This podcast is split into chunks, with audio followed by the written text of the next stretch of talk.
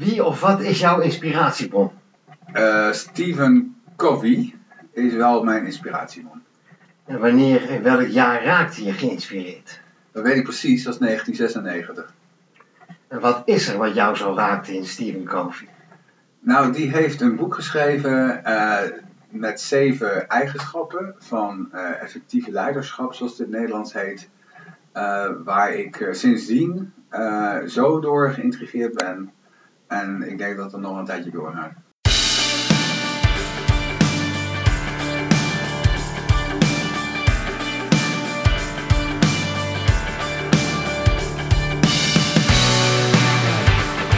Dit is Luister je gelukkig, de podcast waarin Marcel Beijer in gesprek gaat met mensen die geïnspireerd raakt en ook jou met hun verhaal willen inspireren.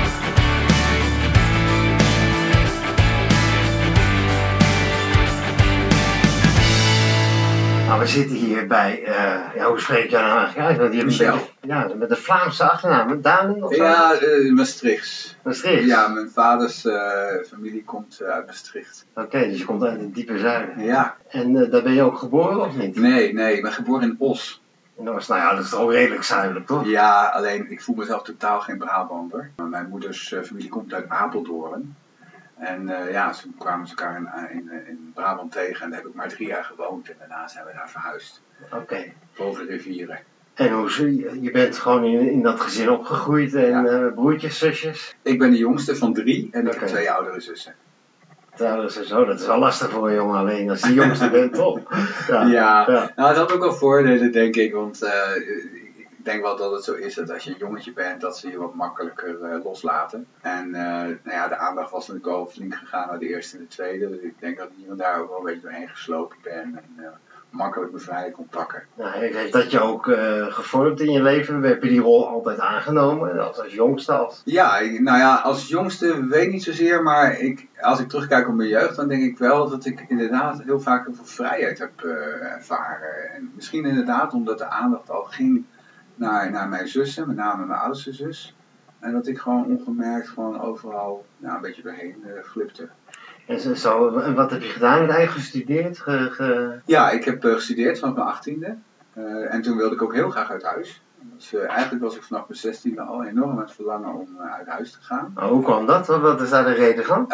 omdat mijn jongste zus, die is net iets ouder dan ik. En zij studeerde in Utrecht.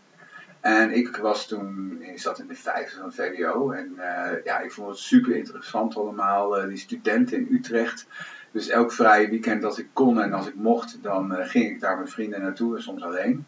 En dan ging ik dus het studentenleven proeven, terwijl ik pas 16 was. En ik dacht wel van ja, zo gauw ik mijn VWO af heb, dan, dan ben ik ook naar Utrecht. En dat heb ik ook precies zo gedaan. Ja, wat heb je gestudeerd? Sociologie. Nou, hoe zou je die, die Michel van toen omschrijven? Wat een type was dat?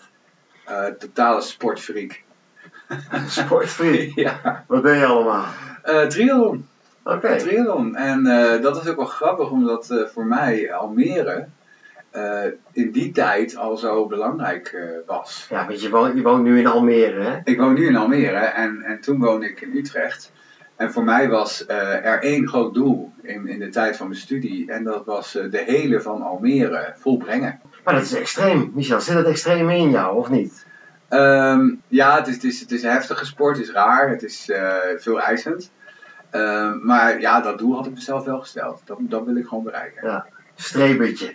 Ja, denk ik wel. Is dat iets waar je trots op bent of verschaamd of voor? nou, ik, ik kan er wel van genieten om ergens voor te gaan. En als ik er een beetje echt ook wel motivatie bij heb vanuit mezelf, dan, dan geniet ik ook wel heel erg van als het resultaat bereikt is.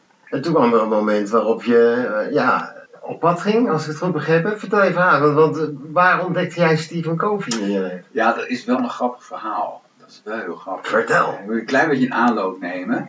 Uh, het, het, buitenland heeft me altijd wel heel erg getrokken. Um, en dat bedoel ik niet zozeer in Europa, maar wat verder weg. En uh, tijdens, ik denk, het derde jaar van mijn studie, uh, toen ik dus in Utrecht zat, ben ik heel erg geïnteresseerd geraakt in de spiritualiteit. En dan komt al snel India naar boven. En toen heb ik op een gegeven moment 2,5 maand door India gereisd. En dat vond ik zo waanzinnig mooi als ervaring. Uh, en ik heb er zoveel van, van geleerd en, en door ervaren dat ik al heel snel de wens had. En nou wil ik dat ook in het groot doen. Ik wil een keer echt een jaar gaan reizen. Gewoon alles achter me laten en een jaar gaan reizen. Uh, naar alle landen die op mijn lijstje staan. En die wil ik gewoon één voor één allemaal gaan bezoeken. En wat wat zocht je dan, Michel? Wat zocht je? Waar was je naar op zoek? Nou ja, ik kwam, je komt als je reist, kom je heel veel reizigers tegen. En uh, die hebben natuurlijk ontzettend veel met elkaar, allerlei uitwisseling en uh, praten over wat ze meemaken. En uh, ja, daar heb ik een soort haat-liefde relatie altijd mee gehad. Maar één ding viel altijd wel op, dat de meeste mensen die aan het reizen waren, toch op een manier de weg kwijt waren. Dat is een mooi. ja, ja, dat was bij mij ook wel zo. Ik, ik, ik, had, ik had een relatief beschermd leventje gehad. Gewoon uh, opgegroeid in een, uh, in een net dorp en daarna gaan studeren. Dus ook allemaal heel beschermd. En allemaal theoretisch. Hè? Dus uh, je, je, haalt je wijsheid uit de boeken en uit colleges en het doe tentamens en dan ga je maar netjes door. En nou, triathlon had ik er dan bij, dus ik ook allemaal wel redelijk binnen de lijntjes. Maar nou echt iets zien van wat is dat rauwe leven dan? Wat, wat gebeurt er nou echt daarbuiten? Dat had ik eigenlijk nog niet zo heel veel meegemaakt. En ik denk dat ik dat wel heel erg graag wilde ontdekken. En, en toen ben ik dus een jaar gaan reizen en daar ben ik dat boek waar ik het net over had, uh, tegengekomen. En waar, waar, want dat was niet India waar je reisde, dat had je al gedaan? Ja, dat had ik al gedaan. Ik heb uh, inderdaad twee jaar later, heb ik uiteindelijk, ik geloof zelfs nog iets later, in 1996, had ik wat genoeg geld gespaard bij mijn eerste baan. Ik werkte bij Rabobank Nederland als organisatieadviseur. En uh, toen had ik een aantal jaar gehad om wat, wat geld opzij te zetten. En precies toen de Rabobank zei van, nou, nou gaan, gaan we jou in een management development project zetten. En dan ga je een van onze managers worden. Wat ik heel fijn vond om te horen, dat ze dat in me zagen. Toen kreeg ik het benauwd. Toen dacht ik, nee, dat gaan we dus niet doen.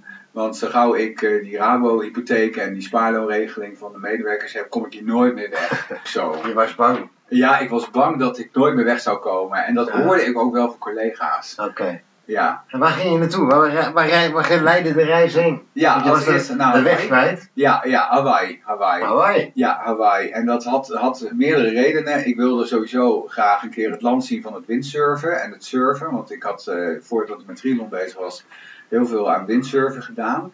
En uh, dat komt wel een beetje van Hawaii met Robbie Nash. En ik wilde daar gewoon naartoe.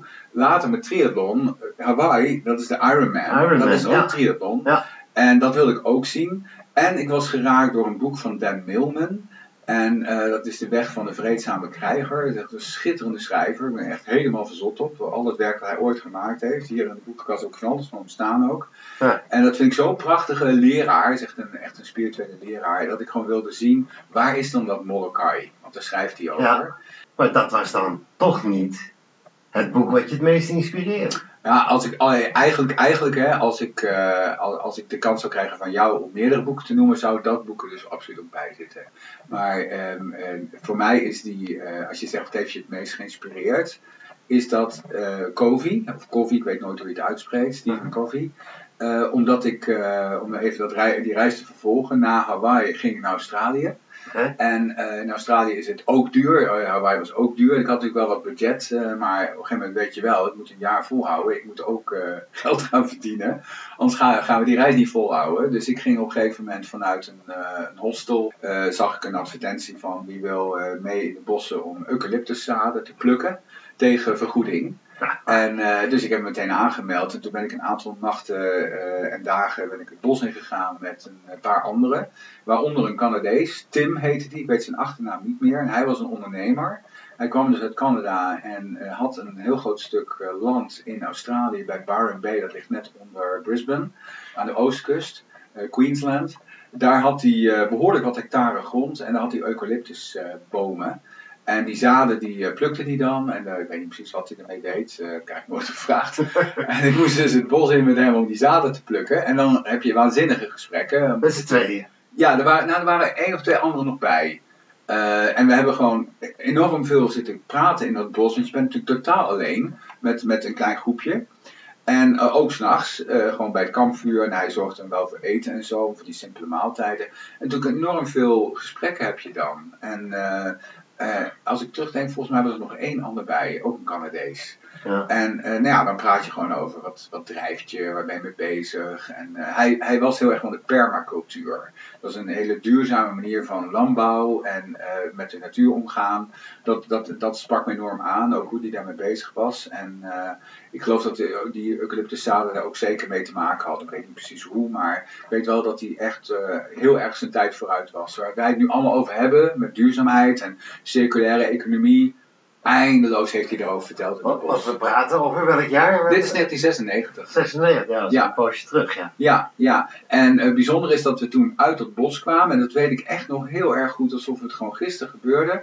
Eh, dan heb je toch het idee van ik ben weer in een levende wereld. Het was in eh, Byron Bay. Dat is een beetje een hippie-achtige plek, ook onder eh, Brisbane. ja. En daar zei hij, kom even mee. Want daarna zouden we terug naar het hostel, zou me weer afzetten. En dan ging hij weer andere dingen doen. En ehm, ik was wel blij dat ik weer terug was in de bewoonde wereld. Ik snakte wel naar McDonald's en zo. en toen zei hij, kom even mee, ik heb iets voor je. En toen gingen we dat boekhandel in en toen kocht hij dus dat boek voor mij. Nee. Totaal uit het niets, want ik kreeg het ook gewoon betaald. En dat was, vond ik al geweldig. En, en een deel van het geld, niet, niet dat loon, maar nog extra, kreeg ik gewoon in een boekvorm. En eh, nou ja, ik, nou, hij zei, dat boek moet jij lezen. Ik ben nog zo goed. Hij zei, dat boek moet jij lezen, maar ga er ook mee aan de slag. En eh, dat ben ik gaan doen. En ik had nog ruim een half jaar eh, in, in die reis van een jaar. En de volgende reis was naar, vanuit Sydney doorgereisd naar Johannesburg, Zuid-Afrika. En toen naar Kaapstad en Namibië. En ged- gedurende die hele reis heb ik voortdurend met dat boek gewerkt. Wat, wat was het dat hij dit aan jou wilde geven? Wat was zijn motivatie daarvoor? Ja, dat zou ik dus echt niet weten. Heb je nooit gevraagd? N- Nee, nee, dat ging ook heel snel, want hij kocht het gewoon. Maar hij heeft iets in jou gezien. Ja. Of niet gezien misschien wel. Van hij dacht van, "Da- daar kan Michel wat van leren. Ja, ik weet wel dat hij zei aan het eind van die reis, want we zaten in de auto toen en eh, wat ik al zei, ik, het is echt alsof het gewoon gisteren gebeurde. En we waren op zo'n hobbelweg en hij zei van dit was een heel, heel inspirerend gesprek wat ik met jou gehad heb. Dus jullie hadden een klik, zeg maar. Ja, ja, ja. Maar als je, je bent over in de spiritualiteit, zeg je. Dan zeg je altijd dat je op een bepaald moment op een plek moet zijn, omdat je op dat moment iets moet overkomen. Voelde je dat ook zo? Dat dat gewoon op dat moment die ontmoeting nodig was? Ja, ik snap wat je zegt en eigenlijk, eigenlijk zou ik nu ja willen zeggen, Maar, Eh, maar dat had ik toen zeker niet. Maar terugkijkend, absoluut wel. Ik, ik moest dat boek gewoon hebben. Want dat Ja. boek is zo belangrijk voor me geworden. wat heeft dat boekje geleerd, Michel? Ehm, ja, ik heb daar ontzettend over nagedacht. En toen ben ik over dat boek gaan nadenken. Eigenlijk heb ik heel veel wat erna gedaan, gebaseerd op wat ik in het boek geleerd heb. Ehm, Want eh, even samenvatten, het boek van Covey gaat over zeven basisprincipes, ja, hij noemt ze gewoontes. gewoontes. gewoontes die je aanleert om op die manier in het leven te staan. En ehm, wat ik me ook realiseer, eh, toen ik er nog eens over nadacht eh, onlangs, is dat het me nog echt niet gelukt is om dat te doen. De zeven eigenschappen van Stephen Covey. 1. Wees proactief. 2. Begin met het einde voor ogen. 3. Begin bij het begin. 4. Denk in termen van winnen. 5. Eerst begrijpen, dan begrepen worden. 6. Werk synergetisch. 7. Houd de zaag scherp. Het, het lijkt heel simpel. Ja, ja, het lijkt heel simpel, maar het is me nog steeds niet gelukt om dat te doen. En wat, wat, wat is het, het leermoment daarvan? Wat, wat leer je? Want je, je gebruikt het, je probeert het elke dag toe te passen. Ja, ik probeer het op alle manieren toe te passen in mijn werk. eh, eh, dingen die in mijn leven zijn gebeurd. Ik probeer echt in, aan de hand van dat boek eh, op een bepaalde manier in mijn leven te staan. Ehm, nou, op, op cruciale momenten dat ik echt even die vraag moest stellen aan mezelf van hoe ga ik hier nou mee om, heeft dat boek wel regelmatig me antwoorden gegeven. En dat klinkt een beetje vaag en abstract. Misschien wil je een voorbeeld. Ga je gang. Eh, nou ja, één één wat echt wel heel erg bij mij in mijn hoofd eh, springt op het moment dat ik dit vertel, is dat ik eh, veel later in mijn leven getroffen ben door, door kanker. En ehm, ja, daar schrik je natuurlijk helemaal te pletten als dat gebeurt. En op het moment dat ik die dia- diagnose kreeg, toen heb ik ook gelijk het behandelplan van de arts gehoord, wat er zou gaan gebeuren. En ze vertelde, je gaat heel erg zware chemo's krijgen. Eh, je zult er niet kaal van worden, maar ik kan je beloven dat ze loodzwaar zullen zijn. En eh, je krijgt 35 bestralingen. En je zult heel erg ziek worden. En Oké. dat is heel gek aan kanker, want ik voelde me hartstikke Helemaal top. lekker. Ja, ja, precies. Dat hoor je vaker. ik Ja, voelde me ja. kip lekker, maar wat weten ze je in korte tijd ziek te maken? Ja, ja, ja, ja. Je voelt je niet ziek. Helemaal niet. Nee, Maar hoe signaleerde je dan? Hoe wist je dat je Ik had, een, had? eh, ik had een zwelling in mijn hals Ja. die ik niet begreep. En ik dacht het zal wel een kieste zijn of zo. Maar ja, dat had ik ooit op mijn hoofd gehad, maar niet, niet in mijn hals. En toen bleek dat dat een uitzaaiing was van een tumor. Ja. Dus ja, dan eh, staat je wereld op zijn kop. En, maar je zegt op dat moment had je wat aan het boek? Ja, ja. Hey. Want toen zij dus zei, jij gaat een heel eh, zwaar proces in. Ik zat samen met mijn vrouw in, in de spreekkamer van, van de oncoloog. Eh, toen heb ik mezelf eh, toegesproken en gezegd, Mies, dit ga je nou eens even lekker dragen. Eh, ik heb het echt zo gezegd tegen mezelf als een vrouw. en dat betekent dat jij hier gewoon mee omgaat zoals het is. Zonder, zoals ik als man natuurlijk ook heel vaak heb gedaan, moord en brand kon schreeuwen op het moment als ik een griepje had. Dat gaan we dus niet doen. Wij gaan niet klagen. Nul. Want hoe, hoe fijn is het dat er op dit moment gewoon hulp is? Dat, dat er een behandeling bestaat tegen wat je nu hebt. Want eh, twintig jaar eerder, ik was gewoon dood. Maar Michel, dat kan je zeggen, dat kan je, dat kan je Ja. jezelf wijsmaken. Maar voel je dat ook zo? Ja, ja dat voelde ik. Ja, dat was een overtuiging. Ja, dat is een overtuiging en een besluit. Echt een besluit en dat is habit 1 van Stephen Covey. En dat is Ja. wees proactief. Ja. Wees geen slachtoffer. Je hebt op elke situatie in je leven altijd de vrijheid om je eigen respons te kiezen. Responsibility, dus de mogelijkheid om verantwoordelijkheid te nemen. Ja. En toen dacht ik, voor mezelf, maar vooral ook voor mijn vrouw en mijn omgeving, is het zoveel fijn als ik kies om dit gewoon te dragen met eh, kracht. En eh, mijn omgeving en mezelf niet te belasten met klagen. Want dat iedereen, eh, dat mensen het om me heen wel zullen snappen dat het niet leuk is, dat hoef ik niet nog drie keer per dag te vertellen tegen mensen. Nee. Ik ga het gewoon door. En wees hier dankbaar voor en kies dat je hier met een opgeheven hoofd en met veel positiviteit doorheen zal gaan. Want ik wist gewoon zelf, dan, dan wordt het ook beter te doen. Voor iedereen. En hoe was het? Zwaar? En heb je het volgehouden om niet te klagen? Of... Ja, Ja? ja, Constant? ja. Hoe Ja. lang? Hoe lang? Eh, nou ja, de behandeling is, eh, is twee maanden geweest, tweeënhalve maand. En dan heb je nog een enorme nawerking ervan. Eh, maar ja, het bewijs is dat mijn vrouw het tegen me zegt: van Mies, ik heb je geen enkele seconde horen klagen. En vrouwen kunnen het dus weten, want die, dat zijn geen klagers. Nee, kijk, Nee. kijk wat ze presteren. Ze zetten kinderen op aarde. Ja, dat durven wij niet, hè? Ik moet er niet aan denken. Nee. Hey, ne- ne- neem me nog eens even mee terug naar, naar de, de Michel die dat boek kreeg destijds. Ja. Ehm, je was dus wel een strebertje, je was, je was eh, Ja. ja. een beetje, beetje de randjes opzoeken hè, naar veilige jeugd. Wat, wat, ehm, wat, wat, toen je dat boek kreeg, je bent er meteen gaan lezen, gebeurde er ook wat direct met je? Ja, en vooral bij het eh, tweede hoofdstuk weet ik nog, en dat weet ik echt nog heel goed. eh, ik was echt helemaal van slag. Eh, ik heb er echt last mee gehad. Eh, deel 1, of, eh, de inleiding en, en het eerste hoofdstuk over productiviteit, dat, dat, dat kon ik gewoon snappen en was wel verhelderend, maar dat deed op dat moment nog niet zo heel veel, maar met, met, hoofdstuk 2 wel. Dat gaat, ehm, nee, zeg ik het verkeerd. Het is habit eh 5 uit mijn hoofd, die bij me opkomt. En dat gaat over, zorg eerst dat mensen je begrijpen, voordat je begrepen wilt worden. En ehm, eh, dat komt als eerste bij me boven, want daar ben ik echt door geraakt. Ja. En ik zat toen in een bus, ehm, eh, in een groep, want ik, ik had me aangesloten bij een kleine groep reizigers voor twee weken, omdat je dan met, met enorme korting toch naar een aantal nationale parken kon in Zuid-Afrika en in Namibië. En ik zat ondertussen eh, op stille momenten, want je hebt natuurlijk eindeloos in die wegen daar dat je aan het reizen bent in die bus, eh, was ik dus heel veel aan het lezen in dat boek en ik was er totaal door geobsedeerd. En, en, dan, en dan had ik weer gesprekken en dan viel me eens op van, wat luisteren wij toch slecht Hm, als mensen. Hm. We zijn eigenlijk alleen maar bezig met zenden. Eigenlijk een eye-opener. Ongelooflijk. Ik schrok Ja. kapot. Ook voor mezelf. Ja. Heel erg. Want ik ben helemaal niet aan het luisteren. Ik ben alleen maar aan het wachten totdat die ander uitgepraat is. Dat ik mijn eigen verhaal weer kan vertellen. Ja. En oh, daar, dat heeft me van dat boek het allermeeste getroffen. En dat heb je voor zover mogelijk toegepast in je leven. Ja. Ja. Nou, nou eh, heet dit programma Luister je gelukkig. Wat is het? Als je het in een paar woorden, paar zinnen moet omschrijven. Ehm, nou ja, dat, dat die. ehm, je, je hebt het zelf ook al gezegd, je kunt een boek lezen. Of je kunt een boek echt tot je, tot je door laten dringen. En er zijn heel veel goede boeken. Maar het boek van de zeven eigenschappen van effectief leiderschap. eh, geeft je de mogelijkheid om echt een houvast te vinden in je leven waar je echt wat aan hebt. Het is gewoon kwaliteit. Het heeft zich bewezen, het bestaat al decennia lang, dat boek.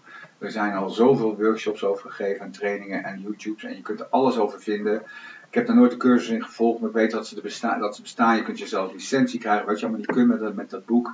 Want het is zo een ongelooflijk krachtig gedachtegoed. Ja, het is heel commercieel geworden. Hè? De- Het is heel ja. commercieel geworden en daar ben ik verder helemaal niet van. Ik heb nooit gedacht van ik wil licentie hebben of iets, maar ik ben wel een enorme promotor van dit boek. Ik heb het echt gebruikt in training en in coaching en wat ik allemaal niet gedaan heb. Eh, maar vaak ook zonder het te noemen. Of alleen maar als het echt nodig was, dan noemde ik de bron. Of als ik dingen uitlegde, dan kwam ik er wel mee. Maar als je zegt, waar- wat kunnen mensen eraan hebben? Eh, nou, da- dan zou ik je aanraden, lees het eens. En kijk wat je, waar je door eh, geconfronteerd eh, wordt. En ga er dan echt mee werken. Laat het echt tot je doordringen. Er staan ook oefeningen in het boek. Een voorbeeld is dat je kunt op een gegeven moment je afvragen. Want ik weet dat veel mensen daarmee lopen. Ik kom mensen ook tegen in mijn eigen werk. Die, die eh, werken en voelen eigenlijk dat ze een beetje op een automatische pilootstand staan. En eh, hun leven leven en er is op zichzelf niks mis mee. En je mag niet klagen, want dat mag ook echt niet. Want je hebt het eigenlijk hartstikke goed. Dus dan zou je ook heel, eh, ja laat ik zeggen, eh, te beklagen zijn dat je klaagt. Mhm. Hè, eh, van wees gewoon tevreden met wat je hebt. En toch weten veel mensen van ja, ik, ik mis wel echt iets. Ja. Nou, da- daar geeft hij handreikingen. Want dan zegt hij uiteindelijk gaat het erom wat voor jou waarde heeft. En wat voor jou belangrijk is. En een manier om daar te komen, en die oefening heb ik gedaan, en die, is, eh, die kan heel confronterend voor je zijn, is dat je je eigen grafreden schrijft. En dus dat je je voorstelt, ik lig daar in die kist, en stel maar voor hoe oud je bent. Nou, ik ben nu 50, stel ik ben 86 en ik lig in mijn kist. Tegenwoordig is dat best re- reëel, toch? Als je geen kanker krijgt waar je doodgaat of iets Dat anders. is wel een voorwaarde. Ja, maar dan, wat wil je dan dat mensen die op dat moment eh, daar bij jouw begrafenis zijn, wat wil je dat die over jou zeggen? Wauw. En schrijf die speech. Dat is de oefening die jij je laat doen. Dat, dat En- kan je niet zonder die aan bedenken. Nee. Nee. Dat heb je ook gedaan. Ja, want ik heb dat echt gedaan, toen al. Ja. En wat het je oplevert, is dat je dus er goed achter komt, wat is voor mij echt de moeite waard? Ja. Waar kom ik 's ochtends mijn bed voor uit? Waar gaat het me echt om in het leven? Ja. Wat, i- wat, is dat geworden uiteindelijk? Nou ja, ik heb daar eh, ontdekt dat wat ik wil doen is mensen helpen in hun proces. Gewoon in hun, in hun eigen groei. Dat is ook je vak geworden? Ja. Wat doe je? Ja, ik ben toen begonnen, eh, toen ik terugkwam, eh, als zelfstandig eh, coach, trainer en organisatieadviseur. En dat ben ik nog steeds. Dus ik, ik werk nu, wat is het, eh, dit was 97, dus 23 jaar zelfstandig als organisatieadviseur en trainer-coach. Ik heb wel heel veel andere dingen ondertussen ook gedaan. Maar die keuze die ik toen maakte van vanuit zelfstandigheid mensen helpen in hun proces, in organisaties. En mijn achtergrond is organisatiesociologie, dus ik heb wel veel gedaan op terrein van ontwikkeling. Maar ook persoonlijke processen. Eh, bijvoorbeeld als mensen in conflict zitten met elkaar. Het kan privé zijn, in een relatie, maar kan ook zijn in een team. En ze vechten elkaar de tent uit. Om dan te kijken hoe kunnen, hoe kunnen we dat weer bij elkaar krijgen. En dan zit Kofi een beetje op je schouder. Nou, dan gaat het opeens over eh, luister eerst naar Ja. de een, zonder dat je jezelf eh, Ja. zo graag wil horen. En het gaat uiteindelijk om elkaar echt te begrijpen. Ja, het is eigenlijk gek dat ik vraag, ehm, wat steek je van Kofi op en dat ik over je werk begin, maar privé, ja, dat is natuurlijk veel belangrijker. Nou ja, ik denk dat ik in mijn relatie met, eh, met Karin eh, ook regelmatig eh, geholpen ben door Kofi. ja, is dat zo? Ja, ik, ik vind Luisteren.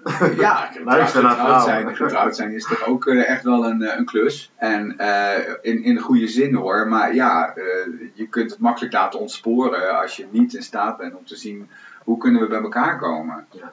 En eh, wat hij bijvoorbeeld zegt is win-win of no deal. Je kunt natuurlijk op vakantie eh, meegaan omdat je vrouw dat wil. En dan eigenlijk diep van binnen met tegenzin eh, toch naar dat land wat zij dan zo graag wil. Maar kunnen niet iets vinden waar we allebei gelukkig van worden. Maar dan moet je vaak wat meer zoeken, wat creatiever zijn. Maar een win-win of no-deal houding, want dat zegt hij dus. Hè, van als jij niet iets kunt vinden in een uitkomst van een conflict of van een relatie of van een, een, een uitkomst zakelijk, hè, dus een onderhandeling. Als er niet een uitkomst denkbaar is en te vinden is die voor allebei de partijen goed is, moet je het gewoon niet doen. Ben je gelukkig? Ja. Ja. Dan ben ik ja. Weet je dat zeker? Hoe kan, hoe kan je dat weten? Hoe kan iemand weten dat hij gelukkig is? Ja, kijk, eh, volgens mij is het zo dat geluk heeft ook wel zo zijn, zijn ups en downs. En eh, het is er niet constant, je zit niet voortdurend in een bliss. Maar overal, als ik voor mezelf de vraag zou moeten antwoorden, is er, is, staat, staat de balans in, in, de, in het groen. Eh, in, in de dagen dat ik kan zeggen, ik ben aan het doen wat ik wil doen. Ik eh, ben met de mensen die, eh, waarmee ik wil zijn. Ik ben, ehm, eh, ja, ik heb gedachten die, die ik wil hebben. Ik ben, ik heb de energie en, en, en, en de drive die ik wil hebben. Ja, dat heb ik het grootste deel van de tijd heb ik dat. Ja, dan voel ik me dus ook echt een gezegend Mooi. mens. Ja, verzekerd. Ja. Ja, vind ik wel. Een beetje Ja. stichtelijk. Maar- ik kom uiteindelijk ook wel uit een, eh, uit Uit een het zuiden. ik kom uit het zuiden. Mijn vader was ook eigenlijk bedoeld om priester te worden. Hij is net voordat hij eh, gewijd werd als eh, priester in het grootste seminarie, is hij eruit gestapt. En ja, dat zit soms toch wel een beetje in me. Ja, over toeval gesproken. Dan was je er misschien helemaal niet geweest. Dan was ik er niet geweest. Nee. Ja. Ik vind het, ik vind het ook een hele mooie uitspraak. Dat je zegt van, eigenlijk degene die het pad kwijt is, gaat reizen. En ik denk dat jij die reis gemaakt hebt. Ja, dat En de bestemming misschien wel bereikt. Ja, dat denk ik wel. Ik ben nog lang niet klaar. Hoop ik. Nee, nee, nee. Hoop ik. Ik hoop dat ik nog lang niet klaar ben, maar ik, eh, ik kan wel al terugkijken. En ik ben wel iemand die eh, voor zichzelf een soort van, ja, bijna aandenkend verzamelt. Een soort eh trophies, zeg maar. En er zijn er genoeg inmiddels al waar ik echt trots op ben. Er staat daar een foto van de finish van Almere. Dat is me dus gelukt. Hè, om, die, De hele triathlon. om de hele triathlon te doen. Ook in de, in de tijd die ik voor mezelf had eh, Respect. neergezet. Respect. Dankjewel. En eh, ik heb, eh, ik heb toen, ik, toen ik 30 was, toen kwam er mij een heel sterk stuk naar boven van een artiest. Ik wilde heel graag eh, op het podium, ik wilde heel graag op tv, ik wilde heel graag in films. Want ik, dat artistieke stuk, ik eh, heb op een Jenaplan school gezeten, dat, Ja. dat wil echt leven. Ja. En ik zat natuurlijk helemaal in die zakelijke wereld. Ik zat in allerlei bedrijven en ik was overal in directiekamers, proberen de slimme adviseur te zijn. En allemaal leuk. Maar op een gegeven moment zei, zei iets in mij van, ja maar Mies, jij wil ook echt artiest zijn. Je wil echt gewoon spelen en acteren en zingen. En toen ben ik, eh, toen ik 30 was, ben ik eventjes alles achter me gaan laten. Toen heb ik gewoon twee jaar lang acteeropleiding gevolgd in Amsterdam. En zangopleiding.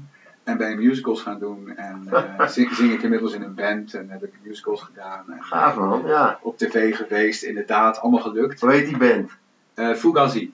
We staan eh, dit jaar weer in de meester, vorig jaar ook. Meester, dat is hier een eh, popzaal in Almere. Ja, het podium de meester. En Ja. eh, we zijn een, eh, een tribute band van de Engels-Schotse band eh, Marillion. Ah, ken je En, dat is nog wel een leuk verhaal misschien, als je dat leuk zou vinden om te horen. Omdat eh, toen ik eh 15 was, ging ik voor het eerst met twee vrienden op vakantie in Luxemburg. En hoorde ik voor het eerst het nummer Kelly, wat je al zei. ja, ja. En was het totaal verkocht. Ik vond het echt zo ontzettend mooi.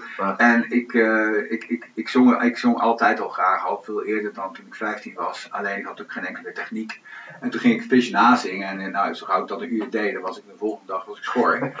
en later, toen ik dus rond de 30ste eh, eh, een echte zangopleiding heb gevolgd, eh, kon ik het opeens wel. Ah, En eh, toen bleek hier in Almere een aantal echte fantastische muzikanten te zijn. En eh, de leider van de band, die zocht een zanger voor Marillion. En we zijn elkaar op wonderlijke wijze tegengekomen. En hij zei, kun jij, kun jij Marillion zingen? En ik zei, ja, dat, dat, dat denk ik wel, ja. En eh, inmiddels eh, zitten we al drie jaar in een band eh, met elkaar. En eh, zingen wij het repertoire van eh, de vroegere Marillion van Fish. En eh, kan ik het wel met mijn stem, omdat ik gewoon nu wel de, de opleiding heb eh, en de training.